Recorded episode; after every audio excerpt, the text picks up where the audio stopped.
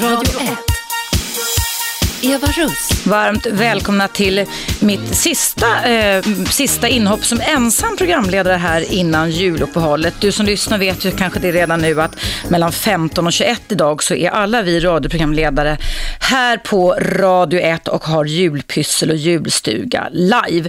Idag är det dock så att det är fritt att ringa in och den första som ringde in och vill ställa fråga om relationer är Stefan. Är du kvar Stefan? Jajamän. Toppen. Kan du berätta vad du, vad du har för problem? Ja, under hela min eh, uppväxt så har jag raggat tjejer och eh, det är väl antagligen för bekräftelsebehov. Mm. Eh, så fort jag har fått dem så har jag dumpat och gått vidare och även i förhållanden så har jag aldrig varit trogen. Mm. Eh, och nu är jag drygt 40 Mm. Och har ett eh, lite eh, förhållande, eller jag träffar en nu då, då, fast där har jag inte varit otrogen. Men problemet har också varit att jag tröttnat på sex och så, så fort jag vet vad jag har tjejen. Mm. Jag vet att hon...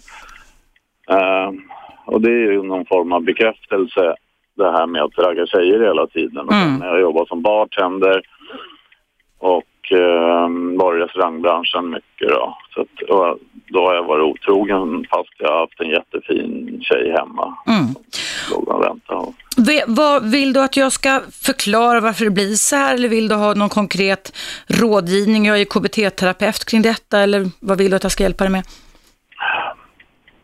ja, någon konkret rådgivning eller liksom Mm, Okej. Mm. vad- vad man kan göra åt det. Ja, eh, eh, jag kan säga, nu finns kanske inte den boken kvar, men vi kan börja med någon slags självhjälpsböcker kring den här problematiken. För det första så är det här ganska vanligt, Stefan.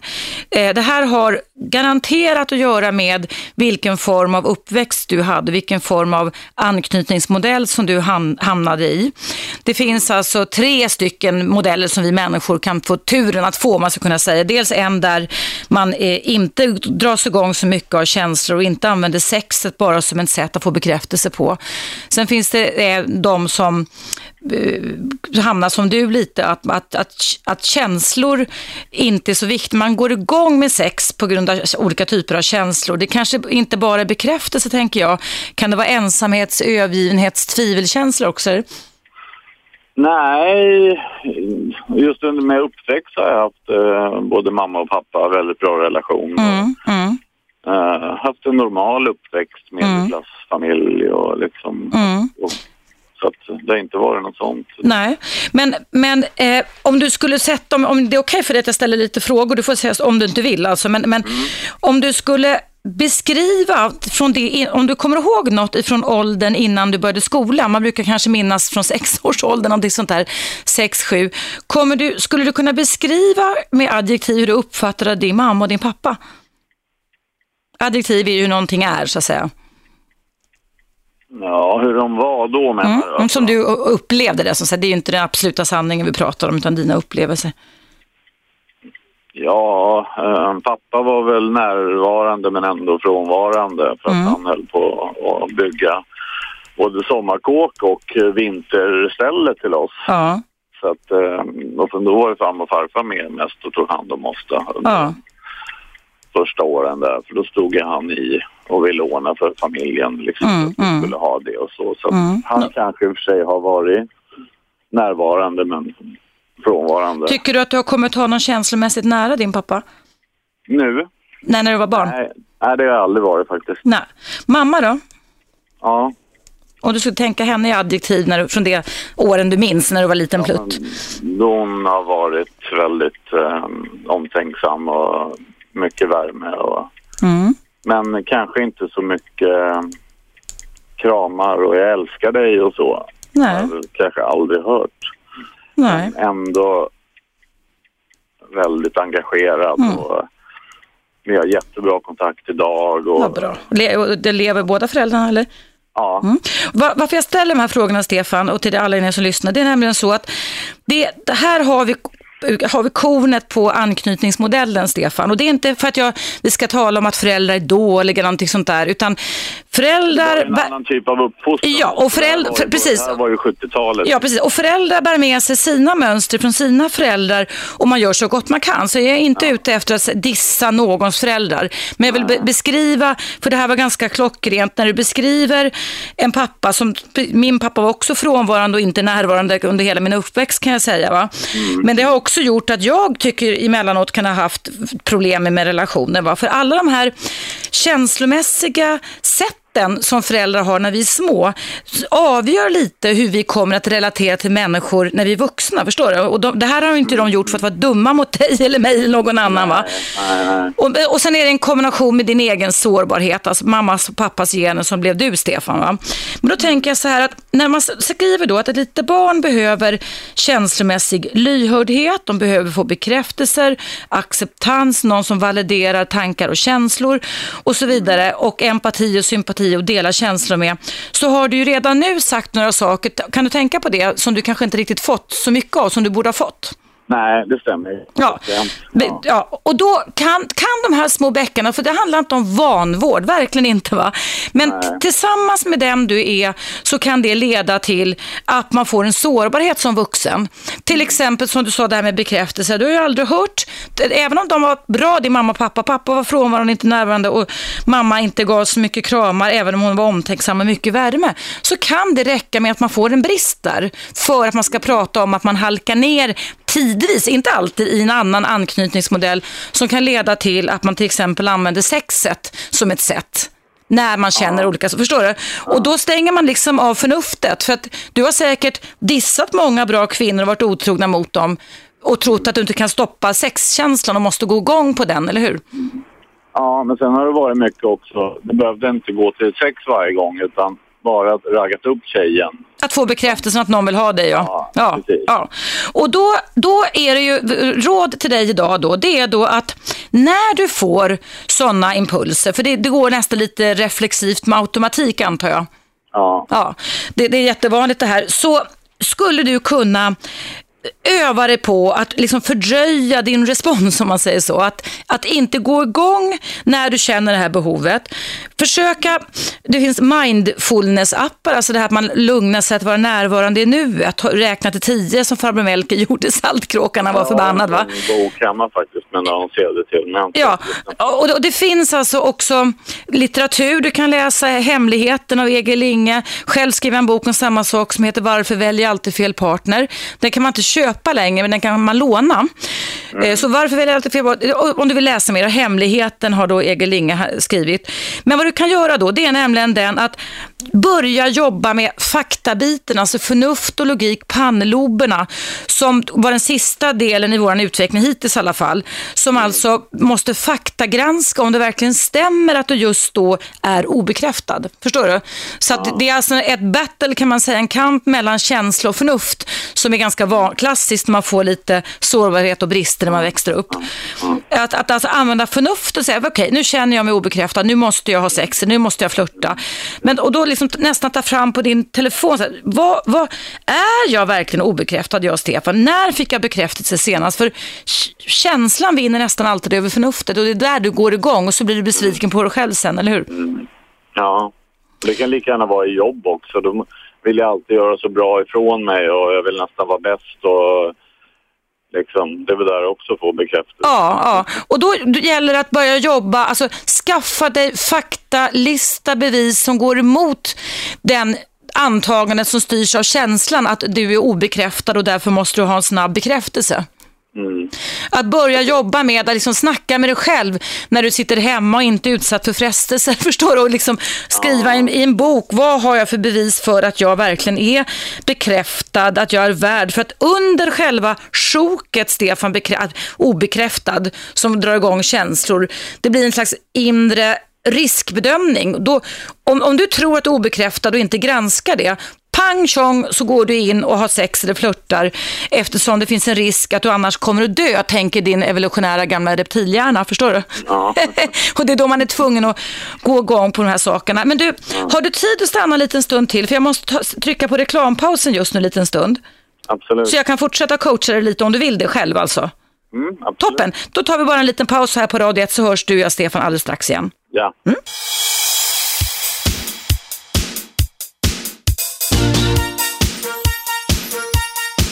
Radio 1. Eva Russ. Varmt välkomna tillbaka. Det är friåkning idag kring relationer ända fram till klockan 12 och jag ska fortsätta mitt samtal med Stefan som eh, sitter på tråden hoppas jag. Hallå, är du kvar? Jajamän. Fint. Du, eh, du berättade ju innan pausen här om ett problem du har som, är, som alltså inte har med att göra att om du är kille att göra. För det här, kan, mass, det här har, har liksom ett könsneutralt problem man kan ha om man har fått lite brister som inte föräldrarna var medvetna om på att inte bli så bekräftad eller få så mycket känslomässig närhet. Man kan ha fått värme, man kan ha fått massa andra saker men det i kombination med den individuella sårbarheten som man säger i, mina, i min värld kan leda till att man söker bekräftelser när man tror sig vara i risk och farozonen för att vara obekräftad. Mm. Jag kan bara säga, jag Ja. har en dotter själv. Ja, hur gammal är hon? Eh, nio år. Nio, mm. Hon bor inte hos mig då, men jag Mm. har henne regelbundet. Och där har jag gjort precis tvärtom mot vad Mm. mina föräldrar gjorde. Det har varit pussar och kramar och jag älskar dig alltså under hela tiden. Mycket, mycket närhet och kramar. Ja, Så ja. Verkligen. Och där, där har du kanske till och med omedvetet medvetet tänkt att jag ska, för det är ju så våran utveckling ser ut som människor, att vi oftast liksom tar bitar från det vi har haft, själva upplevt och sen så modifierar vi och i bästa fall gör det bättre i nästa generation så att säga. Det är väl Ja. jättebra. Men du, eh, jag, vad jag skulle vilja säga då, det är alltså att jag fick igår också på min telefon så fick jag eh, ett tips om som inte hann kolla upp, för jag stod sen hemma igår kväll och stekte en massa köttbullar och slog in julklappar. Men eh, och, och, att man alltså, det finns mindfulness-appar man kan ladda ner nu om man googlar på det, mindfulness. Och det är väldigt bra alltså att du lär dig lite sånt. Va? Det är som att ge hjärnan medicin, fast det kostar inget och det är inget konstigt du tillför, utan du liksom bara använder det av att vara i nuet, inte framåt, inte bakåt, utan typ det här som jag sa, farbror Melker, räkna till tio, andas långsamt och lugnt. Till, man kan till exempel göra själv, Stefan, jag har en sån här mindfulnessövning som jag brukar ge till mina patienter. Och det är att du, om du gillar den övningen, att du liksom, om du bl- blundar och så föreställer du dig att du står vid, vid, något, vid ett vattendrag, det kan vara en sjö, ett hav som är lugnt, men som rör sig lite lätt sådär vilsamt, alltså den utsikten. Och så ser du ett träd som står där och liksom där vinden, du vet, det är löv i trädet, det är ingen storm utan bara lugnt och skönt. Och sen så ser man liksom hur ett löv, det, det är på höstkanten om man föreställer sig, hur ett löv långsamt lossnar. Och då följer man då i fantasin med blicken det här lövet, vet hur det kan vara på tidig höst eller sen höst, och ingen storm alltså. Hur det liksom ring, faller långsamt ner i vattendraget och så koncentrerar du dig allt vad du kan på den här bilden och sen ser du långsamt hur vattendraget för bort det här lövet och du liksom följer bara det med blicken, blicken, blicken, blicken, blicken till långt, långt, långt, långt bort. En sån liten övning på kanske en minut eller två minuter kan för många av dem jag har jobbat med som psykoterapeut göra susen och göra skillnad.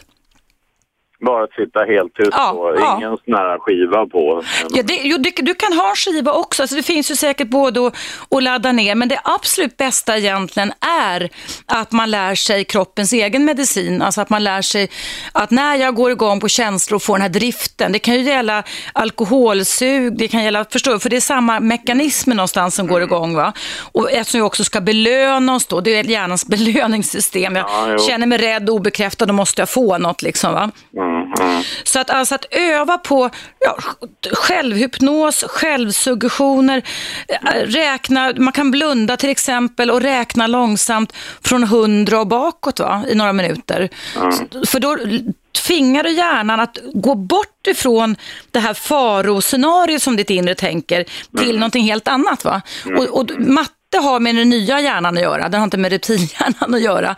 Så det kan vara ganska bra övning. Jag brukar också säga till mina patienter, men det är lite olika, att man kan göra ett matte ett räkneexempel för sig själv när man, in, innan du liksom skulle gå igång och söka bekräftelser. Andas långsamt och lugnt och sen blunda och tänka, vad är, ja, nu, hit- nu höftar jag bara till Stefan, men vad är 25 gånger 88 delat på 10 delat någonting sånt där, va? gånger fyra. Då tvingar också hjärnan att gå bort ifrån den här larm och riskfyllda känslan som drar igång dig och gör att du får oönskade beteenden. Men det kan man göra när som helst. Ja. Inte just när man ser en tjej. Nej, vet du vad? Det, det är en bra fråga. Det där ska du göra så att när du ser en tjej som kan trigga igång dig till att bli lössläppt och dra igång för du känner dig obekräftad, då ska du kunna det här. Så att istället så att man ska torrsimma precis som man gör innan man lär sig simma i vattnet. Så att det här kan du öva på jättemycket så att du sen liksom plockar fram den färdigheten när nästa gång du står inför den här triggen som är en kvinna då. Mm. Och det kommer att gå. jag inte jobbar som bartender längre för där är ju trigger. Ja, det jag tänkte säga. Ja, jag tänkte säga. Var, var jobbar du någonstans nu då, Stefan? Eller vad jobbar du med rättare? Jag behöver inte berätta var du jobbar, men vad jobbar du Jag med? jobbar som inredningsmontör. Jaha, inredningsmontör. Montör. Vi bygger kontorslandskap Aha. och möjligt inom kontor och så. Okej, spännande. Ja. Då kanske det är mest män då och du går igång på tjejer, så det kanske var ett bra val du gjorde då, eller? Mm. Jag är även utbildad sjuksköterska och Ja. där var det Där har du tjejer. 100 tjejer och 20 killar i klassen. Jag förstår. Men du, som sagt, torrträna, öva, önska dig julklapp av din partner, en mindfulness-app eller någonting sånt där och öva för att det är de heta situationerna som man ska kunna ta till där. Och jag lovar att om du lär din hjärna att, inte, att, att mattas ner, gå in, att lugna ner sig helt enkelt när larmet går inom dig, så kommer det att ändra ditt beteende på sikt. Så att du behöver inte hålla på med mindfulness resten av livet, men det är som kroppens egen medicin, ungefär som om du skulle ta en lugnande tablett alltså. Väldigt, väldigt inne idag världen över och vetenskapsmän världen över, Stefan, säger att det är egentligen det enda som vi människor kan ha nytta av när vi pratar om de här gamla systemen som sitter kvar i oss. Att kunna styra in oss på att bara vara och inte vara framåt, inte vara bakåt, vara nuet och inte gå igång på känslor som sabbar för oss. Ja. Jag kan bara avslutningsvis säga också att det här sista förhållandet nu på ett år, det har varit för sig lite till och från, så har jag varit trogen. Och det, är, min- det är första gången i hela mitt liv och jag har fyllt 40. Hur- Vad, vad, vad tror du eh, har gjort skillnad för dig då när du varit trogen den här gången, Stefan? Eh, förhoppningsvis mognad, men eh, det kan vara, jag har inte varit ute alls mycket på krogen Inga heller. triggers så att säga då, nej? Nej. Inte lika mycket. Nej. Ja, jag tyckte om henne. Ja, vad bra. Är du, är du i den relationen nu? Ja, Kul, vad roligt. Men det är ju framsteg det med. Och det är ju också någonting du kan använda det för. Det är ju fakta, Stefan. Ja, du har förändrat dina beteenden under det gångna året. Det kan du ju skriva ner som affirmationer till dig själv, förstår du? Och titta på i anteckningar i din telefon till exempel. Eller säga till dig själv som en liten sång ibland så här, ja, titta här, jag har förändrat ett beteende. Så jobbar du med förstärkning av dig själv. Mm. Det är skitenkelt, det är också billigt och gratis och kostar ingenting och kan göra stor skillnad. ja. Nej, men absolut. Tack Ja. för de goda råden. Nu måste jag... Ja, tack och tack för att du ringde in till mig. God jul på dig, ha det jättebra. Ja, detsamma. Hej då, Hej, hej, hej. Ja, jättekul Stefan. Det här problemet är jättevanligt och tas upp av många oss psykologer och psykoterapeuter på många olika sätt. Eh, det är friåkning hörni ni. Ni är varmt välkomna att ringa in numret till 0200 11 12 13. Jag ska själv kommentera en sak idag. Eh, I dagens Svenska Dagbladet av idag så har de gjort en ganska noggrann förteckning vem som, med, med rubriken Vem ska dra familjen? Så tycker partierna. Och det handlar alltså om föräldraförsäkringen, om den ska kvoteras och hur man ska minska lönegapet mellan kvinnor och män. Och jag vill då påpeka då att jag är verkligen inte politiker, men jag är psykolog och psykoterapeut. Och jag blir så förbannad, man får, det är åsiktsradio, det är årets sista program för min del också, när jag ser att ingen av alla de partier vi har här i Sverige utgår ifrån, just det, ni vet nog vad jag ska säga, barnens behov. Det är bara en jäkla massa dravel, en massa snömos, en massa politikersnack och trams. Där det bara handlar om förbättra möjligheter till barnomsorg, eh, tillgänglig barnomsorg på obekväm arbetstid.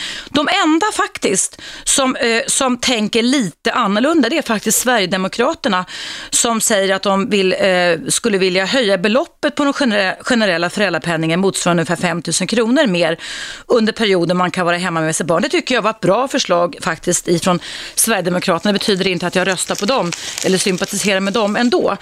Det jag tycker, och jag har ju varit med i debatten som du vet i både tv och tidningar under det här året som har gått. Och jag har debatterat väldigt, väldigt mycket om de små barnens behov.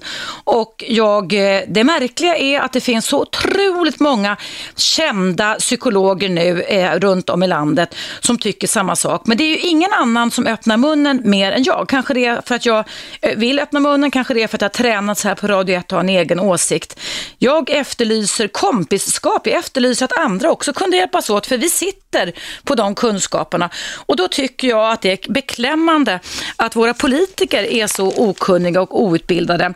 Jag debatterade ju senast för två veckor sedan i Aktuellt, SVT Aktuellt, mot VPKs Rosanna Dinamarca, som var som en uppskriva så här eh, eh, batteridriven kanin och bara pratade om, eh, malde på en ung, duktig flicka, faktiskt väldigt duktig och sympatisk tjej tycker jag för övrigt, men som bara malde på och malde på polit och jämställdhet och utökade dagis. Det är ju inte det vi ska göra när de pratar om föräldrafällan. Vi, vi, vi sätter ju barnen i en fälla.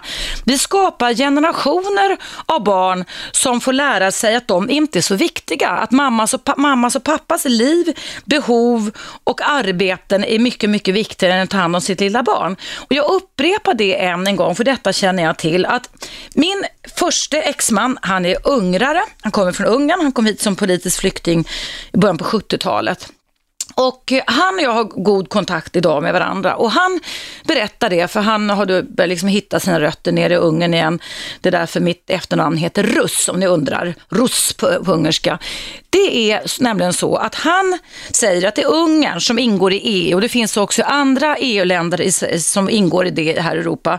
Så sätter man barnen före sina egna karriärer. Och det tycker jag är någonting som jag vill ge som en julklapp till alla ni som jobbar ihjäl och, och som tycker att vi ska ha öppna natt så vi ska öppna massa saker. Det är inte bra för barnen. Det bästa för barnen, apropå Stefans samtal med Stefan här, det är att man har en obruten anknytningsrelation till mamma och pappa under en längre tid, helst under de första två till tre åren.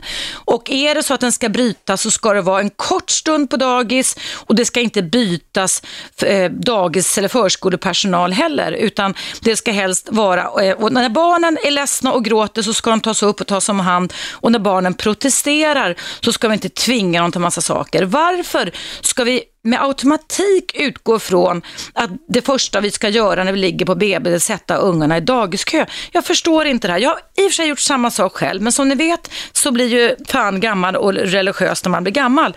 Och jag tycker med den kunskap jag har, för den kunskap hade inte jag tidigare och som jag debatterat, så är det ju politikerfällor vi pratar om och föräldrafälla. Att gå på vad politiker säger att det bästa för barnen är barnomsorg. Jag säger bara nej, det bästa för barnen det är att få vara nära mamma och pappa de första två, tre åren. Ja, det var min åsikt idag. Nu handlar det om att det är fritt att ringa in om relationer. Numret är 0200 11 12 13 och jag ligger lite efter för nu måste jag trycka på knappen. Det är dags för nyheter på radio 1.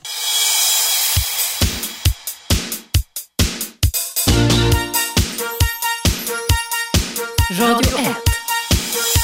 Eva Russ. Varmt välkomna tillbaka. Idag är det i mitt direktsända program, som det alltid är för den delen, eh, fritt att ringa in. Det är årets, kan man säga, sista friåkning.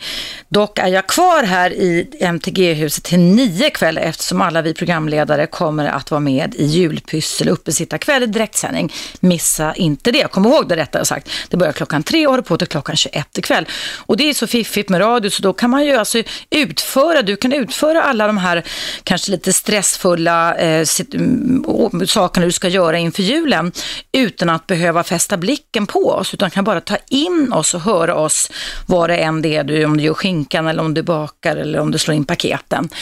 Eh, det är ju fortfarande åsiktsradio givetvis, så du kan givetvis också då, som nu, ända fram till klockan 12, ringa in till mig. Och numret är som vanligt 0200 11 12 13. Men det går ju också bra att mejla när det gäller relationer och jag ska läsa upp ett mejl från Molly. Kom in precis nu. Det står så här. Hej Eva. Vad gör jag med en man som efter tre år och fem terapeuter och olika terapier fortfarande är rädd för närhet och hela tiden säger att han vill inget hellre än att öppna sitt hjärta. Han är 60 år och jag tror inte det kommer att hända så mycket mer för hans del. Vad tror du? Hälsningar och god jul. Molly. Ja, jag kan en del om det där Molly.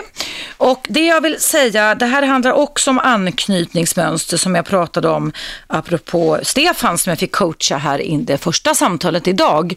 Så är det så att ehm, eh, vi kan ju då, eh, jag repeterar lite då alltså att, att anknytningsmönster skapas i relation till de personer som står oss närmast och som känslomässigt tonar in oss och möter oss och ser våra känslomässiga olika typer av behov. Från det att vi är små så ristas det, eller nyfödda, så ristas det in en väldig massa eh, räfflor, ska man säga, spår, känslomässiga spår i våra hjärnor, givetvis då utan språk och på omedvetna nivåer, som leder till hur vi som vuxna kommer att relatera till andra vuxna, främst i våra kärleksrelationer. Och varför jag säger det, det är därför att i arbetsrelationer så kan man alltså, eh, när man inte behöver bli kär på jobbet eller inte är kär på jobbet, så är de här anknytningsmönstren inte lika aktiva som de är när känslor som har med bekräftelser, älskbar, duglig och så vidare, eh, omtyckt att göra, även om det givetvis finns på jobbet också. Och man kan ibland se, det finns otroligt mycket forskning världen över som jag plöjer igenom kring detta. Det finns några forskare som heter Hazen och Shaver som är ledande kring detta. Det finns en kvinna som heter Patricia McKinsey Crittenden. Vi har eh, familjen Carlo Perris, eller Perris, som tog KBT till Sverige och också forskar kring detta. En utmärkt bok på svenska, skriven av Carlo Perris som heter Ett band för livet eh, naturkultur, den kan man, tror jag fortfarande man kan beställa eller köpa. Men som sagt, det forskas världen över idag, det är egentligen en gammal avdammad teori och vetenskap från 40-50-talet som har belyses och som man nu säger att this is the thing, alltså det här är det som vi ska förklara hur våra, hur våra vuxna kärleksrelationer blir. Och då kan man alltså beroende på hur det här bidde kan man säga under den tiden man växte upp, så hanterar vi känslor, vi hanterar närhet på olika sätt. Och Molly då, får komma fram till dig, du har en man som i orden säger att han vill inget hellre än att komma dig nära. Men i beteenden så lägger han benen på ryggen och springer. Han alltså fjärmar sig, han gör tvärtom. Så han vill en sak, men han gör tvärtom. Och det är det här med den här tricky hjärnan som vi pratar om, våra knepigheter i hjärnan. Att har man räfflat in och präntat in sen barnsben, att det är ingen idé, att det kommer hända någonting farligt, att, eh, att närhet är behäftad med fara, risker av något slag, alltså negativa förklanger, så sitter oftast de här spåren i den känslomässiga delen av hjärnan, kallas för det limbiska systemet, så fast så att det blir den här skillnaden som i Mollys mans fall mellan ord och handling. Vad man kan göra då, det är alltså att det går att förändra sådana här mönster. Jag som terapeut och alla andra som är psykoterapeuter och psykologer jobbar med sånt här, där man kan få en förändring i anknytningsmönstret med tiden. Så Mollys man som inte har förändrats kan antingen ha gått hos kassaterapeuter, för det finns en uppsamling kassaterapeuter också, liksom det finns bra terapeuter finns det kassaterapeuter. Eh, det kan också vara så att han, han inte har gått tillräckligt länge länge. Det kan ju vara så att han själv kan bli lite rädd för att komma känslomässigt nära terapeuten och avbrutet. Och man kan ju inte tvinga någon mot sin egen vilja att gå terapi. Så det skulle kunna vara en förklaring med. Eh, däremot, eh, det kan vara en sak. Sen kan det vara så att de här mönstren sitter så fast inom Mollys man så att de inte går att förändra. Det finns forskning som de här Hazen och Shaver bland annat säger att eh, om man har turen, om man själv har en otrygg anknytning där man fjärmar sig när kärlek och känslor ska upplevas i varierande grad. Eh, om man har turen att träffa en person som inte har de här problemen och det är inte någon sjukdom vi pratar om när vi pratar om anknytningsmönster utan vi pratar om mönster i känslor och tankar och beteenden så kan det ta, om vederbörande, alltså tryggt anknutna orkar med en person som är ambivalent eller undviker känslor så kan det ta fem år att läka ett anknytningsmönster om den ena är en trygg famn, en trygg hamn, en trygg bas. Så då behöver man inte gå i terapi. Men då kräver det ganska mycket av den som är trygg att man står ut. Nu har Molly stått ut, om jag förstår det rätt, i tre år och tycker det är jobbigt. Ehm, det är det ena. Det andra är, som råd till Molly, det är att inte ta detta personligt. Alltså att din man säger en sak och visar en annan, det är bara alltså på omedvetna känslomässiga nivåer som det har liksom blivit autostrador, motorvägar, sexfiliga motorvägar i hans hjärna som leder till det här. Och det är inte riktat mot dig. Det är oerhört viktigt att ni som känner igen er i det här inte tar det personligt, utan att ni ser på er partner som någon som eh, inte fick riktigt de behov man behövde som liten. Det är frustrerande, han känner sig besviken, han vill det här men han förmår inte. Och då kan man ju välja att leva kvar i den här relationen och välja att fokusera på de bitar som är bärande. Man kan ju tycka om en människa på många olika sätt. Man kan ju tycka om personer som inte är perfekta också. Och liksom trösta sig själv med att han, gör, han eller hon gör så gott han kan och det här har inte med mig att göra utan det har med den här personens anknytningsmönster att göra. Eller så får man helt enkelt då, om man nu väljer det, avstå från att säga nej det här är så outhärdligt för mig.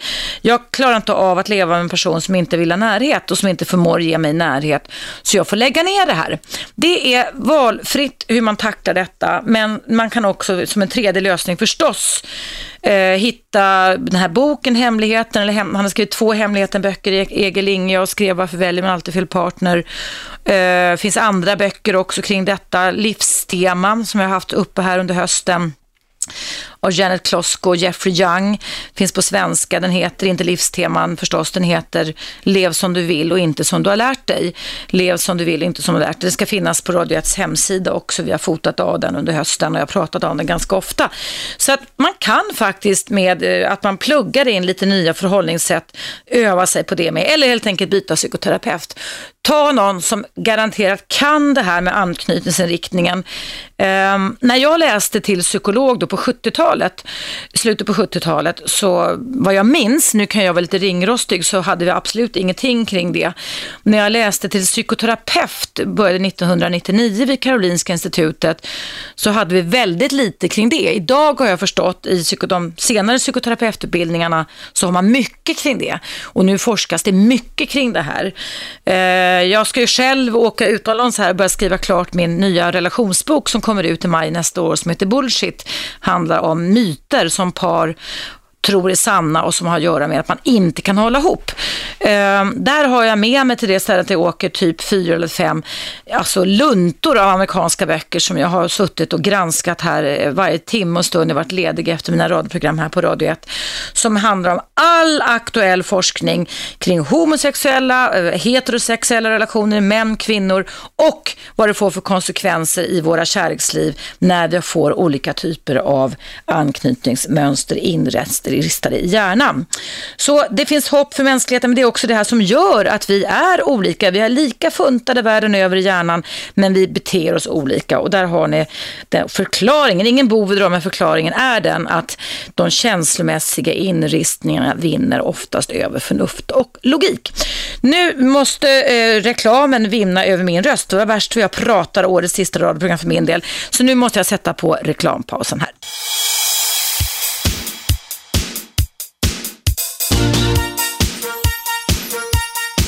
Radio 1. Eva Russ. Välkomna tillbaka. Idag är det friåkning kring relationer och samlevnad och sex. Ring in numret till 0200 11 12 13. Nu ska jag prata om någonting väldigt angeläget och sorgesamt med Sandy. Hallå Sandy. Hej. Ja, berätta vad som har drabbat er. Ja, förra söndagen så, så eh, dog min pappa väldigt hastigt. In, han var inte sjuk eller någonting, alltså jättepigg och stark man och, och bara, ja, bara 62 år. Mm. Eh, och nu, ja, nu är det ju julen som jag, mm. jag är orolig för. Mm. Alla kommer komma hem till, till mig och, och inte han. Mm. Hur många är ni i familjen? Uh, ja, vi är ju fyra syskon och sen mina föräldrar. Mm. Ja, för det första vill jag framföra mina kondolenser till er och till er familj. Det, det är nog, nog illa att man mister en, en förälder eller en släkting hux flux. Alltså det, det, så ser ju livet ut också, men också att det liksom är så pass nära till den här ultimata stora helgen. Alla ska tindra med ögonen och vara glada. Så jag kan förstå att det blir, kan bli väldigt konstiga känslor och tankar kring den kommande helgen. Ja, ja, ja jag, precis, jag är ju... Mm, alltså jag håller igen jättemycket. Har du, har, du, har du ens kommit ur chocken, Sandy? Det här är ju en chock för er. Alltså jag, nej. Eh, igår så stod jag och pratade med några och då, alltså då pratade jag om pappa som att han levde. Ja. Och sa, ja men, nej, men de kommer ju komma på måndag allihopa Ja. och eh, eh, sådär. Och, ja. Jag, jag skulle tro, alltså, du, du vet, känner du till det att det finns, man pratar i alla fall om sorgens ansikten kan ju vara väldigt olika, men att man går ju oftast igenom en chock först, liksom när hjärnan stänger av, liksom fryser till lite. Och den kan ju vara i varierande grad, när man, precis som du säger, man inte, allt det som, alltså det står still på något sätt. Va? Sen kommer reaktionsfasen, det är då man oftast börjar fatta vad som har hänt när man, tårarna flödar och man skriker och man är ledsen och så vidare. Va? Och Den kan hålla på ganska länge och sen kommer bearbetning när hjärnan har lättat på trycket men liksom måste mm, tugga det här fram och tillbaka. Hur var det möjligt med min pappa och så vidare. Och sen kommer efter något år, så där, oftast brukar det vara så i sorg, en nyorientering, att man kan li- blicka framåt. Det här är ju, hur mår din mamma då? Hur mår dina syskon? Det här är ju en för, förfärlig upplevelse. Ja, alltså jag, alla eh, har ju reagerat så, så, alltså, så, så konstigt. Eh, eller inte, inte konstigt kanske, men vi har blivit väldigt så här, logiska allihopa. Mm. Och vi, vi gör, eh, alltså det man ska göra när någon går bort, vi gör det liksom per automatik så. Ja, ja. Eh, väldigt liksom så här, nu, det här ska göras där och där ska du vet sätta upp datum och, och du, Mm. ehm, så. Jag, Det är ofta så man gör. Jag har varit med om bekanta som har mist barn faktiskt för många år sedan. Och man kan alltså ibland hålla sig igång på det där sättet fram till begravningen ungefär. Ja. Att man håller sig samman. Va? Och jag, jag tror alltså att eh, vad jag tänker, ska, ni ska ändå, ni har tänkt att ni ska ses på julafton hemma hos dig i alla fall och äta julmat och så. Ja. mm. Ehm, alltså, Jag har förstorat en bild på pappa som Vad jag ska fint. hämta ut imorgon. Ja, vad fint. Jag, jag tror att ni ska tillåta er att vara ledsna om det är möjligt. Den som är ledsen får vara ledsen. Jag tror att ni ska inte vara rädda för det. Om ni, det är ju en jättesorglig julafton för er del. Ehm, Men ni kan också, till och med när man är ledsen kan man skratta. Förstår du? Det är väldigt konstigt. Allt, alla, allting är tillåtet tycker jag, bara ni inte jobbar på att trycka ner allt det som händer inom er. Nej, vi, och vi försöker ju um, allihopa tänka att vi, vi är glada att det gick så fort. Mm. Ehm, alltså än att, än att han kanske hade fått något, för han hade blivit liggande på sjukhus. För det, Ja. hade ju, ehm, det hade ju faktiskt varit en jobbigare jul Ja, ja. ehm, på något sätt. Ehm, så. Han dog kanske då av stroke eller hjärtattack eller något sånt? Ja, eller vi vet blödning? inte riktigt än, än vad det var, men ja. Ska de kolla, kolla, så de kolla upp det? Sjukhuset Mm, vi, vänt, vi kommer få veta nu, Ja, ja, snart. ja. Eh, och som jag sa innan, alltså, han satte ju på ägg och skulle göra frukost vattnade han inte ens började koka upp ordentligt innan han var borta. Så det gick ju... Mm. Var din mamma närvarande då eller? Ja, hon var på övervåningen. Hon gick ner och, och, och såg i köket att äggen var på. Sen skulle hon fråga honom om hon skulle sätta på kaffe och då hittade hon honom. Oj, oj, oj, det fanns ingenting att göra, nej. Nej, hon försökte ju återuppliva, min mamma är akutsköterska. Ja. Eh, så hon försökte ju återuppliva honom och sådär men, men hon förstod att han redan var, Ja. liksom det var redan var för sent. Ja, det, det här är en del av livet Sandy, alltså att det, det, det, det för, för, för väldigt många, eller för oss alla, så är det en snabba kast emellanåt, eller hur? Mellan livet och mellan, mellan döden också. Men, men jag, jag tänker Sandy, det är det, det viktiga tycker jag, det är bra att ni håller ihop i familjen. Nu behövs verkligen liksom att ni nästan håller varandra i händerna. Ja, Och, ja, vi ringer ju varandra hur mycket som Ja, helst. ja, och ta på varandra, krama om varandra. Och om det kommer känslor i julhelgen, det är bara egentligen bara bra. Släpp fram dem. Jobba inte med att trycka undan någonting. Och strunta i alla måsten och borden. Det kanske till och med skulle vara fint, tänker jag, men det, det gör ni som ni vill. Det finns ju fantastiskt fina såna här midnattsmässor i kyrkor runt om i Sverige. Som man har. Och det är jätte jättevackert att gå på något sånt och där kan ju den vackra musiken både hela och hjälpa eftersom musik kan förändra känslor och öppna upp locket för er om ni skulle önska det. Och man sitter där kanske och tänker på den nyss avlidne personen och så vidare. Ja, jo, vi har ju, alltså vi, det här med begravningarna där som jag bad om att den skulle skjutas upp för att jag vill inte alltså, koppla ihop julafton med, med det. Så, så det blir i, i januari då, och det är faktiskt jätteskönt att inte, ja. inte ha det nu. Ja. Det är inte gott. Det förstår jag. Men som sagt, tänk då Sandra, att ni går igenom chock reaktion, bearbetning, nyorientering och jag tror att ni befinner, det här är ju en förfärlig chock. Det, det, inte, det kan på ett sätt för många människor vara lite lättare när man ser och liksom hjärnan hinner med och förstå att den person man lever med är på väg att gå bort. Va? Förstår du? Men här när han, pappa står i nederdelen av huset och kokar ägg och faller ner och är död, det är ju liksom det värsta, ett, ett av de värsta scenarierna fall man kan tänka sig. Ja, och jag är så här, alltså nu håller jag ju ihop, alltså ihop mm. mig. Jag, mm. jag gör det jag ska och liksom mm. jobbar och fixar lonar och mm. alltså allt. Precis som vanligt. Men, men jag, jag är så rädd för hur jag kommer reagera när jag öppnar dörren. Ja. Eh, och mamma kommer komma själv. Ja, men vet du vad? Det är inget farligt egentligen i det du kanske kommer att reagera. Det är kanske då det går upp för din hjärna, om du förstår mig rätt, vad som har hänt. Det är inget farligt att gråta eh, ihjäl sig. Man dör inte av att gråta, förstår du? Det kanske mm. kan vara förlösande att ni börjar julafton med att ni gråter tillsammans. Ja, att ni gråter jag... så att ni gråter och gråter och sen kanske tårarna avtar lite och då kanske ni känner lite avslappnade i kroppen och kan skratta och tänka med värme på pappa och sakna efter honom med. Så att jag tycker inte du ska vara så rädd för de känslorna men jag förstår att du undrar i och med att din hjärna är lite låst just nu kring hur det ska bli. Men ja, gråta är bra, gråta är bra. Ja. Så att, ja. Alltså jag smågråter ju lite grann eller man mm. om det om jag alltså kommer på mig själv med att han är borta om jag mm. tänker så här, ja, oj vad var det nu vi skulle handla till jul? Men jag ringer pappa och frågar, ja. då, då, kan jag liksom gråta till. Och jag har ändå, alltså jag har det så bra på jobbet att där kan jag gråta ut och mm. det, är helt okej. Okay. Och när jag är ute i affären och börjar gråta så känner jag så här, jag skiter i om folk ja, bra, eh, bra. stirrar på ja. mig. Utan jag, vi, vi, tog ju för länge sedan, Gert tog upp här någon gång under hösten att förr, när, när, inte när du var liten, men när jag var liten, så hade man ju då ett sorgeband, ett svart band man satte på armen. Och det var, man gick omkring med alltså på vanliga kläder. Och det var liksom en signal till andra, ta det lite lugnt med mig, bara för jag har varit med om en förlust. Mm. Ganska bra grej egentligen tycker ja, jag, eller hur? Ganska bra grej faktiskt. Ja. Eh, och så. Men ja, alltså mina allra varmaste kondolenser till dig och din familj för den, den förlusten ni har varit med om, Sandy. Och, och släpp fram det du kan. Och du, jag, jag, är ju tillbaka igen då den 17 januari här igen på Radio 1 och kör hela våren. Du, vi kanske kan ha lite kontakt så vi kan få höra lite hur, hur du mår sen. Ja, jättegärna. Jag lyssnar på dig varje dag. Så. Du gör det, vad roligt att höra. Ja, jag, jag, fått, jag är så känslig själv, jag börjar nästan gråta här inne nu när jag tänker på vad ni går igenom. Men som sagt, låt det bli den julhelg det blir helt enkelt. Det får bli som det blir. Tack så jättemycket. Mm. Stor kram till dig Sandra, ja. jag tänker på er. Tack för att du ringde in. Ja, hej då. Jag ringer in igen. Gör det, tack hej. snälla. Hej då, hej. Ja, Sandy, och till er familj och alla, alla ni andra förstås också som går igenom förluster av personer har gjort under det gångna året. Jag har själv mist två stycken nära vänner det här året. Tre.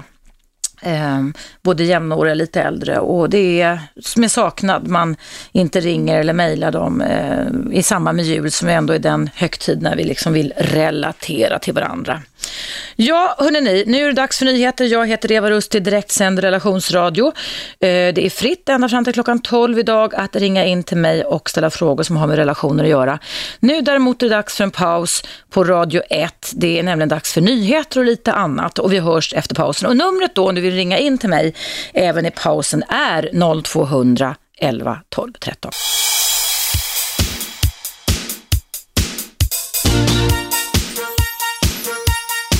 Radio 1. Eva Russ.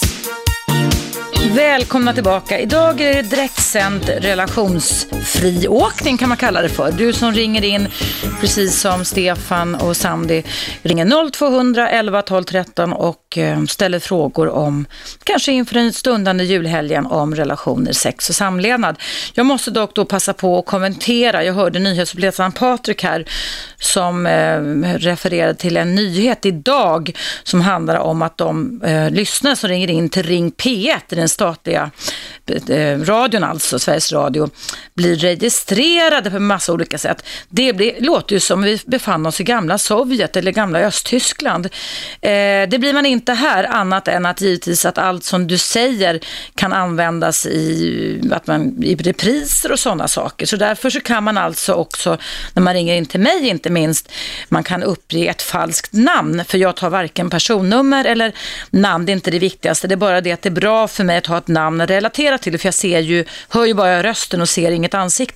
Men du behöver absolut inte uppge ditt riktiga namn när jag ställer frågan. Utan det är bara för min skull att det är lättare. Nu ska jag läsa upp en ganska rolig, en ganska rolig man som har mejlat här regelbundet under hela hösten. Den här tyckte jag var väldigt skojig. Eh, han heter Hans Andersson och det är då väldigt klyftiga men väldigt långa mejl vi får in här till Radio 1. För mejladressen till mig då är ju eva radio1 gmail.com dit du också kan vända dig förstås. Det står så här. Howdy sweet lady pigeon Olive Branch och även Sötebror Aschberg med bisittare. Parentes, Sötebror, obsolet uttrycksform från 1700-talet, slut på parentesen. En liten tuva kan skälpa ett stort lass och en liten oljefläck kan även sänka en tung MC. Men kan en liten knepig kufisk skalbagge som skjuter kanoneld ur baken sänka en hel evolutionsteori? Frågetecken. För vissa konstruktioner måste alla delar finnas på plats samtidigt och i perfekt synergi för att fungera. Annars, söte syster, finns det inte någon evolutionär fördel. Och eh, sen har då Hans bifogat en lång, jag kan inte läsa alltihop, det står mysteriet med bombardermag, bombarderbaggar. Då jag ska läsa upp det, det är ganska roligt. Det står Bom, bombarderbaggar är små skalbaggar som har fått sitt namn av att de har något som liknar en inbyggd kanon i bakändan av kroppen. Med kanonen kan de avfyra skott mot alla fiender som försöker äta upp dem. Detta sker i form av nära 100 grader Celsius heta explosioner som ger både rök och en liten smäll. Eh, de strukturer som behövs för att en bombarderbagges kanon ska fungera är bland annat kemikaliebehållare, explosionskammare och en hel serie av muskler och nerver som används för sikte och kontroll. Eh, genom att blanda kemikalierna i rätt proportioner och sen tillsätta enzymer kan skalbaggarna utlösa en explosion när det behövs. Eh, om inte alla kemikalier finns närvarande blir det ingen explosion. Explosionskammaren, parentes en vestibul, är en yttre isolerad kemikaliebehållare med en öppning utåt. Dit pressas hydrokinoner och väteperoxid och där tillsätts enzymer så att det sker explosioner.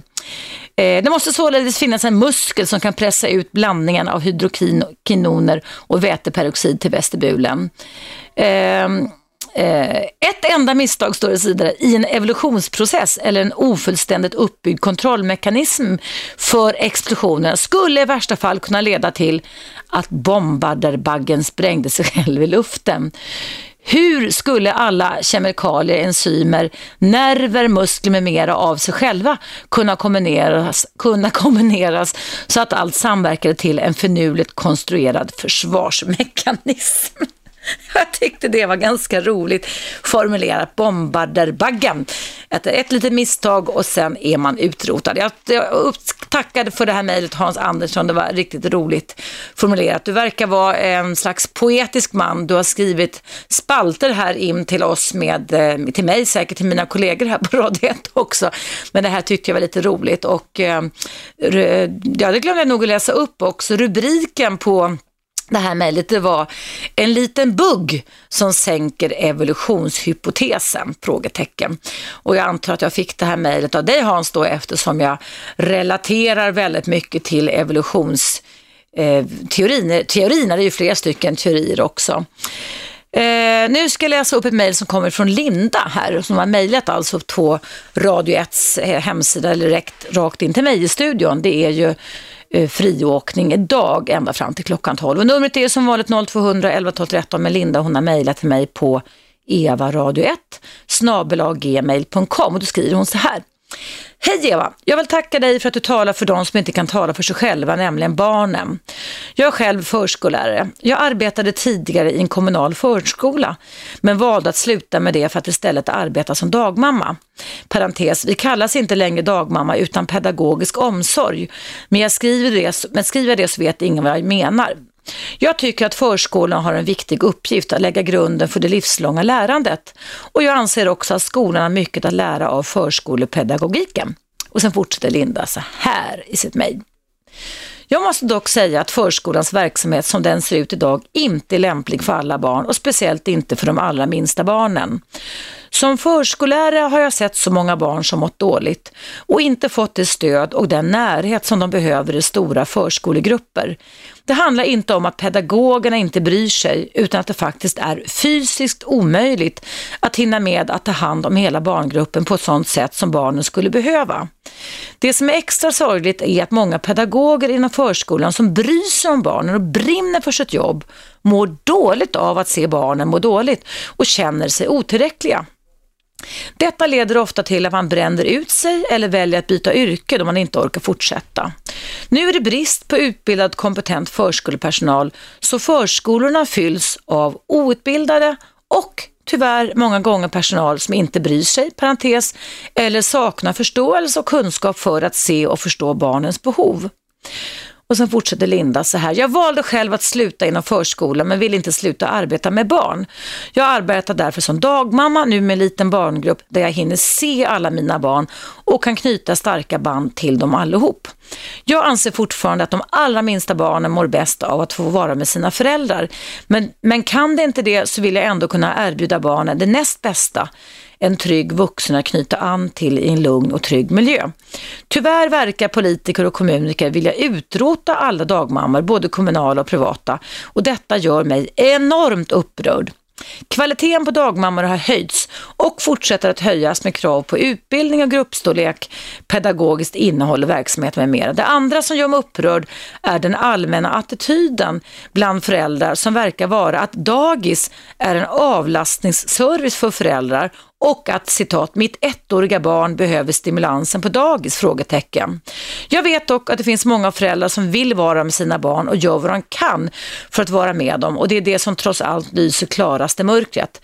Tack, tack Eva än en gång för att du håller liv i debatten. Det är många pedagoger som arbetar med de små barnen och ser hur de mår, parentes, när föräldrarna blundar frågetecken som håller med dig. Slut på mejlet från Linda. Tack ska du ha Linda. Ja, jag håller verkligen med dig kring detta. Jag tycker att politiker blundar, politiker är okunniga, politiker maler på om vikten av att vi ska lämna bort våra barn. Varför det? Varför ska vi lämna bort våra barn?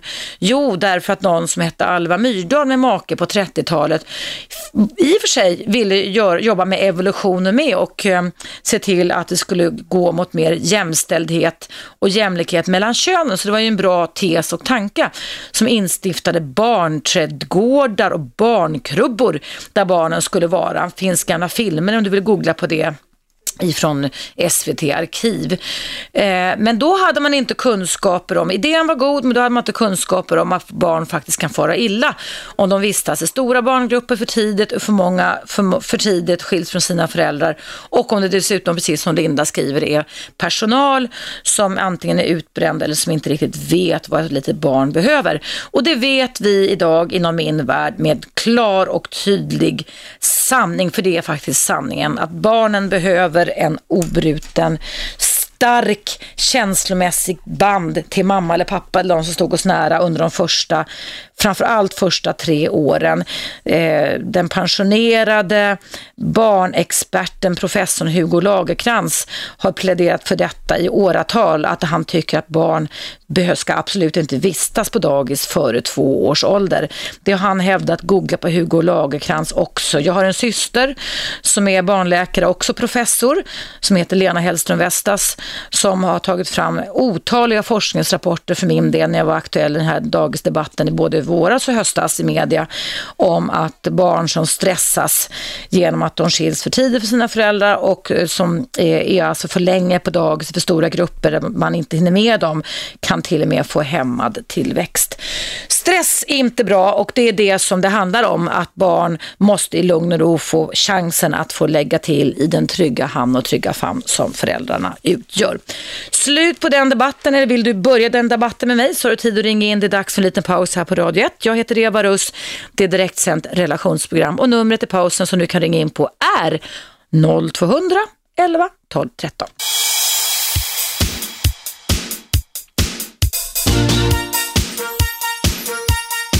Radio 1. Eva Russ. Välkomna tillbaka ska ni vara. Det är eh, friåkning här i mitt direktsända relationsprogram ända fram till klockan 12. Och nu ska jag prata med eh, Eva som har ångest och dåligt samvete inför julen. Du är nog inte ensam Eva om det. Nej, jag förstår ju det, men eh, jag tänkte att det skulle vara så eh, härligt om du kunde belysa det Mm. så att flera kunde ringa in. Kanske man inte kände sig så ensam Ja. det var flera som jag. Hur, hur ser din livssituation ut just nu och inför julen Eva?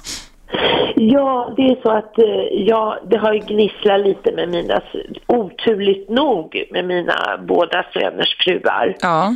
Men eh, min, min ena son, han, eh, han ringer ju och, och sådär med jämna mellanrum. Och, men eh, fira någon jul ihop, det gör vi ju inte. Inte alls, nej. Nej, jag är van att fira julen ihop med min mamma och hennes man. Och eh, så dog mamma här för ett par år sedan och eh, hennes make då, min fosterfar man säger, han ligger på ett hem för Alzheimers. Så att eh, det här med julen, det har varit så jättefint för mig och eh, liksom städat och få göra mamma glad när hon kommer och, och göra ordning julmat och så här. Mm. Och nu är det slut och så helt plötsligt så upptäcker jag att men herregud, jag är ju helt ensam. Ja. När, upptäckte, när, tyckte du, när kom den tanken över, eller insikten rättare sagt Eva? Jag har väl känt det även förra julen också men men eh, nu känns det ännu värre den här julen. Men du, dina, dina, du hade två söner om jag uppfattade det rätt. Ja, De, de relaterar inte till dig då, på något sätt? eh, nej men de är inte vana. De har firat med, med sina respektive eh, s- ja, fruar eller ja, julen med deras fruars släkt. Ja, har, men har du aldrig blivit inbjuden där då? Nej, aldrig någon jul för att jag har alltid värnat om mamma. Ja, jag förstår, så du tog hand om henne. Du, vad, vad är det som, skulle, sk- skulle det vara otänkbart att du talade om det för dina söner? Att du, har kommit, att du sitter, att du, du är lite ensam över julhelgen? Ja, det är otänkbart. Varför det? Det är otänkbart. Nej, men eh, jag, eh, jag råkade ta fel på datum och, och skulle ringa och gratta min son på mobilen och sådär. Och, och, och eh, när jag ringde för tredje gången för att jag tog fel på datum och så, bara, och så bad om ursäkt för det och då får jag bara ett sms tillbaka att jag ska dra åt helvete och låta min familj vara, i- låta hennes familj var i fred. Och jag menar, det gjorde inte jag på grund av att jag var påverkad av nå- någonting eller, Nej. utan jag, jag var bara så trött och sen hade jag vila middag och tänkte jag visst jag måste smsa och det var ju inte på deras gemensamma telefon ens. Men vad skrev du i ditt sms då? Jag skrev bara grattis på födelsedagen. Och du får tillbaka ett att du ska dra åt helvete? Ja, Men ni har alltså en konflikt som ligger, du, du och dina Ja, söner? men eller? jag förstår vad det grundar sig i det där. Det förstår jag. För att de har fått ganska mycket pengar av mig. Och eh, jag var dum nog att säga eh, att till henne vid ett tillfälle att jag vet var de här pengarna har gått någonstans. Så att det, det var... Det var Var har de gått någonstans? Vad, vad tror du att du Ja, hon tänkte? Eller? lå- lånat av sin dotters konto för att hen, dotterns pappa hade avlidit och dottern hade ett arv och så lånade hon ju pengar därifrån så att 70 000 av 100 000 gick in på dotterns konto när jag ville hjälpa min son liksom och, och familjen. Och det är inte ditt barnbarns konto vi pratar om? Nej, nej, det är hennes barn. Hon Hem- har tre flickor. Ja. Okej, okej. Eh, Men, men det är ju det samtidigt också ett val som din son har gjort, eller hur? Förlåt? Det är väl ett val kanske som din son har gjort, eller tror du att det här har skett omedvetet, eller?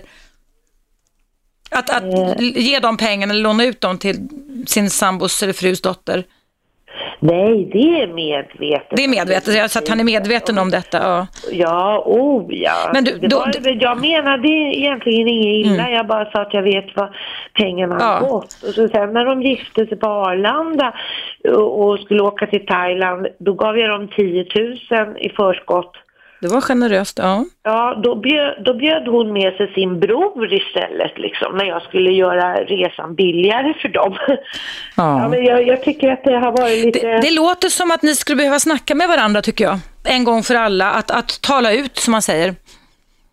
Ja, men eh, jag... Eh, Vad, vad, men- skulle du, vad skulle du vilja göra då? Har du samma relation till den, ditt andra barn också som du, som du har till din... Jag har varit nere hos dem en julafton i Ja. Nynäshamn efter Ja. mamma hade dött. Mm. Och eh, då hade jag köpt ett tv-spel till hennes flickor som hon har. Och eh, då fick inte de öppna min julklapp för en dag efter.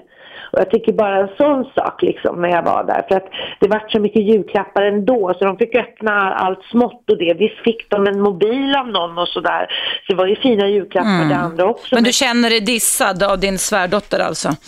Ja, jag tycker liksom att varför kunde de inte få öppna min julklapp på julafton? Varför måste de öppna den dagen efter? Ja. Det där är ju någonting man efter, efter julen skulle kunna eh, tagit upp eller ta, talat om hur du skulle önska ha det. Men betyder det att du ändå måste sitta ensam och ångestfylld? Går det inte på något vis, Eva, att reparera någon relation med någon av dina barn? Nej, nej, det gör det inte. Är du säker på det? Nej, det, nej den, an, den andra sonens fru, Ja. jag pratar riktigt mycket skit här i telefon, men min andra sons fru som Ja. är lite yngre, eh, min mellan, eller yngste son då, han, eh, hans fru försökte jag ha kontakt med under sex år. Ja. Och jag ringde lite då och då och så, ja hej hej svarade hon bara, hörru du jag är lite upptagen, kan jag få ringa dig sen? Ja visst. Och så där höll det på hela tiden, hon ringde aldrig tillbaka. Till slut blev jag så besviken på det här. Jag blev så besviken på att jag blev avsnäppt bara för att jag ville ringa och höra hur det var. Så att jag sa till min son att jag vill inte ha med henne att göra längre nu. För det, det, det är förnedrande. Under Ja. års Och då tog han hennes sida förstås, eller? Ja, han tog Ja. hennes sida direkt. Och Alltså, han sa också, ja men är det så då får du inte träffa ditt barnbarn heller. Men har ni inte kunnat lösa, man kan ju reagera sådär, men kan man inte lösa de där problemen också? Nej, jag vet inte. Jag, Relationer, jag tror livet är viktigt, relationer är allt i livet egentligen, eller hur? Det är därför du känner det som du känner det just nu. Ja, nej men eh, jag, det går inte att lösa så här. Nu är de vana att fira med hennes släkt på julaftnarna och, och jag menar... Det, Men pratar du med din, dina söner någonting då, eller? Ja, men min äldsta son han ringde häromdagen och frågade Ja. hur jag mådde och sådär. Ja, vad sa du då? då? Jo, men jag sa att det, det är bra. Jag berättade att jag hade fått KOL och sådär bara, men... Men det är ju inte bra. Inget är ju bra det du säger till mig, Eva. Nej, men jag tycker bara liksom att Mm. det känns så bittert ensam de här Ja, jularna. Jag ja. vill inte tränga mig på någon och ge Men vet du vad, vet du, får jag bara säga en sak Eva? Det är inte att tränga sig på. Det är att, att, att, att relatera till de som står en närmast. Du har väntat och fött, är det två eller tre barn du har eller? Jag har tre barn, jag har en dotter som bor i Dubai också. Ja, du har väntat och fött tre barn. Det handlar om kärlek, människokärlek, mellanmänsklig värme, relationer. Att det ligger i allas intressen att upprätthålla det här. Utan dig skulle dina barn inte finnas, de barn som är nu. Och jag tycker att det handlar om att bry sig om, som du gjorde med din nu gamla mamma som är avliden, att bry sig om de släktband, vårda de band vi har.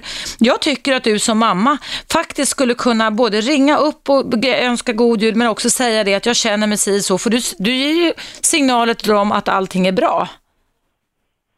Nej, jag ger inga signaler. Du sa att allting var bra, till och med när du fått kol som är en allvarlig sjukdom. Ja, ja, jo men det, det berättade jag ju. Men... Eh, Ja, jag vet inte. Jag, jag, jag tror liksom att... Eh... Om du skulle skicka sms då och säga, kära barn, alltså jag bara hitt, hittar lite lösningar, lite förslag. Så här, kära barn, jag känner mig så ensam. Finns det någon möjlighet att vi skulle kunna lägga undan stridsyxorna och jag kunde få fira med någon av er i julhelgen? Ja, nej men det, jularna där nere, det är hennes släkt som kommer och... och men du är ju också släkt. Och släkt och, ja. Ja, men, de bor dessutom ända ner i Nynäshamn. Men... Det är inte så långt att åka till om man bor i Stockholm. Nej, i och för sig. Det går bussar. Jag vet inte, jag känner inte för det själv. För det, det, du känner, nej men alltså, du har ju hamnat som du sa i lite ångestkänslor istället och då känner man inte goda känslor. Men vad du ska sluta med det är att känna för vad de, att gå in och liksom känslomässigt tyda vad de känner om du skulle höra av dig med en önskan, att uttrycka ett behov. Det är ju fritt att få önska sig någonting, eller hur? Ja, det är ju fritt att säga, jag skulle önska att jag kunde fira jul med någon för jag sitter här själv ensam, jag vill inte det. Finns det någon möjlighet? Stor kram, Eva, firat, någonting sånt där. Ja, jag har firat två jular mm. ensam här utan ja. mamma. Ja. Och, och nu är eh, mamma död och du sitter där själv. Ja, visst. Mm. Vi, vi har ju firat alla jular ihop sedan ungarna ja. flyttade ja. ut. Liksom. Jag är ju över 60 år.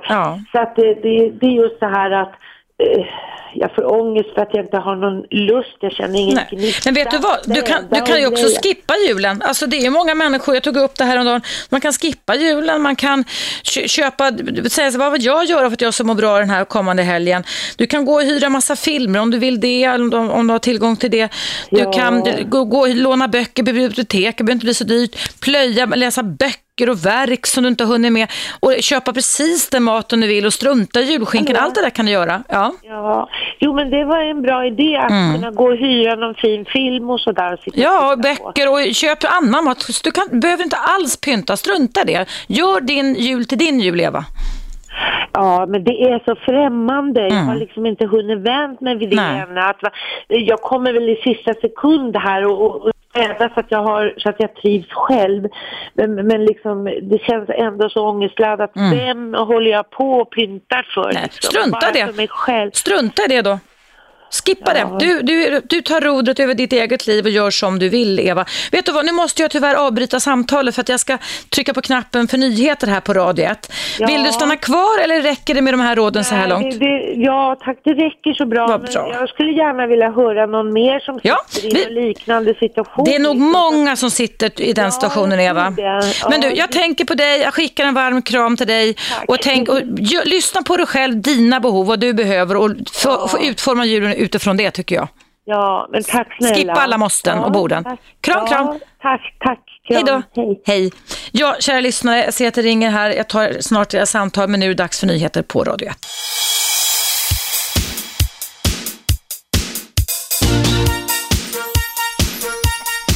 Radio 1. Eva Russ. Välkomna tillbaka. Det är friåkning och innan pausen här så pratade jag med Eva, eller coachade Eva, som liksom säkert väldigt, väldigt, väldigt många människor i detta långa land rids av idag, nämligen känslor av ensamhet inför den stundande julhelgen. Jag gav Eva bland annat rådet att hon skulle, eh, hon skulle fira jul själv och hade mindre bra och vårdade relationer till sina barn. Och jag sa att skippa sådana fall julen, ät den mat du vill, låna böcker, gör saker som gör dig glad och lycklig. Strunta i de konventionerna, det är du som bestämmer över ditt liv. Eh, och det skulle hon försöka göra och då ringde eh, våran vän Lennart in. Hej Lennart, god jul på dig. Ja, jag får önska detsamma, god jul på, till dig och alla lyssnarna. Mm. Jag hörde damen här som ringde in senast. Jag tycker mm. det är väldigt tråkigt alltså att det ska vara så att man blir, blir behandlad som en paria. Jag tycker, jag kan, om jag får komma med en mening om själva det här. Vad tycker hon ska göra då? Det finns alternativljud. Det finns, ja. Jag vet i fjol så hade ju de här det är någon form av baptister där nere vid, det, eh, vad heter gatan, Birger eh, eh, vid hörnet av Tegnérgatan där, där finns en, en kyrka. Ja. Och de har ju storslagen sån här alternativ eh, jul, alltså, eller julfirande där med väldigt god mat vad jag hörde utav Är det öppet för allmänheten menar du eller? människor där och det är frivilliga inom församlingen och andra utom församlingen med som arbetar. Vilken församling var det Lennart? Jag vet inte om det är någon sjunde, sjundedagsevangelist. Jag kommer nu inte, inte jag säker på. Men va, säg en gång till, vilken adress pratar du om Lennart? Det kan man se i tidningen, det står där. Det ligger nere vid Tegnérgatan, Rådmansgatan där. Okej, okay, de kvarteren alltså. Okay. kyrka där, mm. där tidigare närpolisen hade sin verksamhet ja, där. Och här i Stockholm. hotell mm. där också. Mm. Så jag kan inte, men det kan man ta reda på själv om man har lite energi. Mm. Och det är bedrövligt det här med julen för att jag tycker ibland det är som en sån här jädra, dagarna innan nu, julafton, mm. så är hela alla varuhus som en sån här stor jävla Potemkin-kuliss. Vet mm. du, Eisensteins film Potemkin, mm, mm. Potemkin. Mm. Bakom den här jävla kulissen så är, så är det ingenting alltså. Mm. Det, det är liksom ett skådespel, de bjuder ut och eh, dekorerar eh, och, och kom och köp här, det är liksom månglarnas tempel va. Mm. Så så... Det, men det var tro, man blir ju ledsen när man hörde den här damen mm. senast som ringde in här att hon har ju tre barn. Hon skulle, ja, hon skulle söka sig till andra, till kyrkan, till... Eh, jag tyckte att hon skulle kontakta sina barn och säga att hon var ensam. Ja, visst, visst skulle hon det. Men hon har ju tydligen blivit en... De ignorerar henne totalt. Ja, men sen uppfattar jag det som att hon låtsas, vilket många kan göra, att allting är bra. Då är det lite svårt att tyda varandra. Om man säger att allting är bra så är det inte det inombords liksom. ut att om gamla mamma sitter ensam på ja. julafton, och, då är det, det är inte bra va? Nej. socialt sett. Det blir ju en, någon form av mental isola, eh, isolation. Ja. Hur ska du fira jul Lennart? Jag har eh, inte firat jul de senaste 17-18 åren. Säger du? Då är du en av dem som skippar julen alltså? Ja, det gör jag. Hur skippar du då? Berätta lite kort hur det går till. Ja, jag kan väl underhålla mig själv. Mm. Det är som engelsmännen säger. Och, eh, Men du köper inte gran och inte nej, julmat då eller? Ingen julträd hör du. För att när jag var barn så växte jag upp, vi hade julgran och ja. julfirande och så vidare. Sen har jag liten släkt va. Ja. Och en del kanske utomlands, många reser ju till Thailand idag. Men, men vad gör du på julafton? Tittar du inte på Kalle Anke? Äter du, du inte skinka, sill och köttbullar eller? Klockan tio varje julafton mm. sedan 1997, då står jag på Katarina Bangata, mm. 42 där uppe. Eh, då har man ett memorium Nacka Skoglund, han var ju född på julafton. Lennart mm. Nacka Skoglund, fotbollsspelaren i Hammarby. Och det var ju så att Börje Dorsch var ju barndomskamrat till och med. Ja. Men vänta, kom till saken. Vad gör du klockan tio varje julaftonsmorgon, Lennart? Jag och lyssna på det där med, med, med, med memorium alltså. Nacka, va, minne. Och Börje Dorsch, han dog ju, sen kom ju den här, eh, vad hette han, Larsson, Uffe Larsson tog över. Ja. En annan kille som heter eh, Claes G. Bengtsson, från en gammal sportjournalist. Som står där live ja, alltså, det är det du säger. Vad spännande. Emil, den här Olivia, vet du, sångaren italienaren. Eddie, Eddie Olivia, ja. ja. Eddie Olivia är där mm. också. Mm. Håller man ett kåseri och man har ett memorium. Vad och kul. Det är gamla fotbollsspelare som man känner igen som står På julafton klockan tio på, äh, vilken gata? gata? Där vid Nacka-statyn. Där okay. Nacka det var väl ett roligt tips. Kanske man kan ta en kaffe eller glögg efteråt till samma stad som är där, eller? Det, det har hänt att vi har gått och fikat efteråt ja. och sådär. Så att vad gör du sen då på julafton efter det? Alla välkomna att komma dit upp. Mm.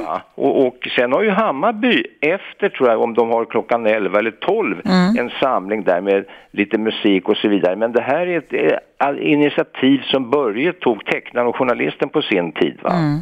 Och jag brukar alltid åka dit upp för jag såg ju på den tiden när han var aktiv mm. Nacka som mm. fotbollsstjärna mm honom och jag, och jag beundrar ja. hans strålande... Eh, Lennart, Lennart, Lennart, vänta. Vad gör du mer på julafton? Du, om du skippar, vad äter du för mat? Jag, jag tänker för lyssnarnas del här, om man nu får idéer om att skippa jul. Där. Ibland kan vi köpa lite sill och sådär. Och, och, så du skippar inte helt och hållet? Nej, man, inte sitter jag väl med en stor jävla skinka och sitter en stor grytkniv i den där va. Det, det, man kan ju köpa färdig skinka som är... Det finns ju paketerat och sen kan man väl köpa risgrynsgröt. Det är upp till en var och en del är ju veganer, de mm. äter vegetarisk skinka och så vidare. Så jag tycker det ska stå människan fritt. Sen vill jag göra en kommentar till det här otäcka nu som är på SVT att man registrerar inringare. Ja, det låter inte klokt, eller hur? Det är en människa som har fått hybris där, jag vet inte om hon mm. sitter i Göteborg va. Hon, men Sundsvall ignorerar det där för det sänds ju mm. från olika svenska städer. Ja, det är inte klokt. Men då ska man registrera folks politiska åsikt eller om man uppfattning och sen om man, om man är pensionär eller sjuk, hur gammal ja, man nej, det, det, det, vi är tillbaka i Ryssland. Ja, du Lennart, tack, tack så jättemycket för ditt inlägg. Alla människor och särskilt den här damen damen som ringde in mm. och som hade till och med fått KOL, va? Kol. Ja. Cool heter det ju. Och att hon verkligen, att hennes anhöriga tar kontakt med henne för att jag tycker det är väldigt sorgligt eftersom mm. det är hennes biologiska barn. Ja, ja, ja. Du Lennart, du kommer väl antagligen hänga med oss i julpysslet ikväll också. Ha det jättebra så länge. Tack för ditt inlägg. Hej då. Hej, hej, hej. Ja, kära lyssnare, eh, apropå det här med att jag pratar om barnens barnfällan och föräldrafällan, politikfällen slog i Svenska Dagbladet idag så fick jag precis en julhälsning både i kort och i sms från Christian Sörli Ekström. Honom ska ni googla på. Han var min gäst här i radion för ett tag sedan. Han har skrivit en ypperlig bok som heter Hur mår egentligen våra barn? Eh, Christian Sörli Ekström. Googla på honom, nu kommer jag inte ihåg bokförlag, men du kanske kan skicka ett sms till i pausen Christian, för jag har inte boken med mig. Det är en debattbok det av en fyrabarnspappa som också har fått nog vad det gäller att vi, hur vi egentligen eh, dissar och, och hissar vår frigörelse och vår egocentricitet och dissar, eh, där han har tagit reda på väldigt mycket forskning kring eh, hur de svenska barnen mår som kan garanterat kopplas till att vi sätter barnen på dagis för tidigt, anser jag, anser han, anser väldigt många till. Googla på honom och Christian skickar ett sms och säger vilket bokförlag också. Hörrni, nu är det dags för en liten paus här på Radio 1, det är fritt och numret in till studion är 0200 11 12 13.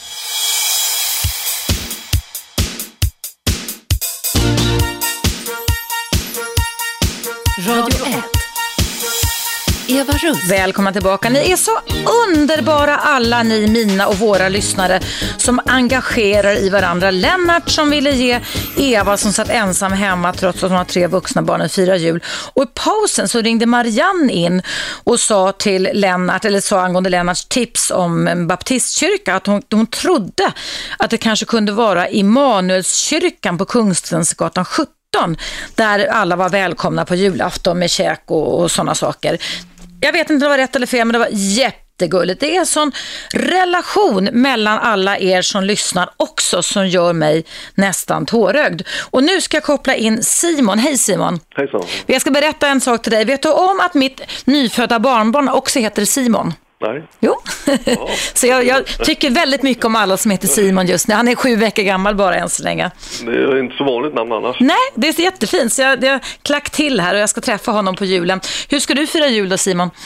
Eh, jag firar jul ensam. Det gör du. Och hur tycker du om det då? Det har jag gjort många år. Jag förstår inte varför folk gör så stor sak av det. Nej, så du, gör, du, du, du hanterar det tankemässigt och mår inte dåligt av att fira jul själv? Absolut inte. Vad gör du för någonting då? Du hörde ju Lennart, han kunde köpa lite julmat ibland men inte mycket. Gör du, köper du julmat och sånt eller struntar du i det? Nej, jag bryr mig inte om det. Jag lever precis som, det är som vanligt ja. för min del. Ja. Att, eh, jag, jag, kan inte förstå att folk gör så stor grej av det. Nej, man kan välja själv, eller hur? Många lever ju ensamma annars. Ja. Men varför ska man göra så stor grej ja. av julen liksom? I, uh... mm. Så det handlar om att de som får julångest och som tycker att det blir outhärdligt svårt ska tänka om helt enkelt, är det du säger? Ja, det tycker jag. Mm. Oh, ja. Mm. Ehm, men sen det här med ja. som vi pratade om. Ja. Det här med att eh, de registrerar folk. Mm, på, på Ring P1, ja. ja. Det har ju varit länge, länge. Mm. Så att det är absolut inga nyheter. Nej. Hur vet du det? Jag känner folk som jobbar på radion. Okej. Va varför gör de så för då? Har du en aning om det? Varför registrerar de alla som ringer in och tar personuppgifter och sånt då? Jo, mycket är ju bara att, de, att inte de personerna ska komma fram igen. Mm. De blir ju stoppade då, de får ju aldrig säga vad de vill. Nej, nej, nej. nej. Hm. Har du blivit registrerad för någon obekväm sak, sen, sen, kommer du aldrig fram igen. Så det är inte samma typ av åsiktsradio som vi har här, även, även om vi i och för sig som programledare kan använda reglagen och en knapp, en sån här katapultknapp här inne och ta bort folk ibland. Va? Men för det mesta gör vi ändå inte det, tycker jag. Nej, där, där kommer du absolut inte fram alltså. Nej. Om du är mm -hmm. skriven, uppskriven där. Mm -hmm. Men det har ju inte vi här i alla fall i stora drag. Ha, det var men, intressant information. Men du Simon, var det någonting annat du ville prata med mig om innan? Nej, det var bara den ja. som jag tänkte. Kanon. Passa på att önska en god jul. Då. Ja, tack detsamma. Tack, tack detsamma. Så hoppas jag på återhörande i januari igen Simon. Ja. Ha det jättebra. En stor varm kram skickar till dig. Tack så Hej då. Hej, hej. Ja, hörni, och nu har du Christian Sörli alltså, som har skrivit en ypperlig bok angående dagis och förskoledebatten. Den heter Anomar förlag. Hur mår egentligen våra barn? Anomar förlag. Och om jag minns rätt så kan man beställa den boken på nätet via Christian Sörli Ekströms hemsida. Nu ska vi se, det finns fortfarande minuter kvar. Det är exakt, skulle jag säga, sju minuter kvar innan Hasse Aro kommer in i studion och uh, kör sin sitt program Efterlyst special. Det är friåkning kring relation. Vi ska se vilka som finns på tråden här. Hallå, vem är där? Ja. Hallå? Thea. Hallå? Thea heter jag. Hej Thea! Ja, men vi har pratat vid förut har jag för mig.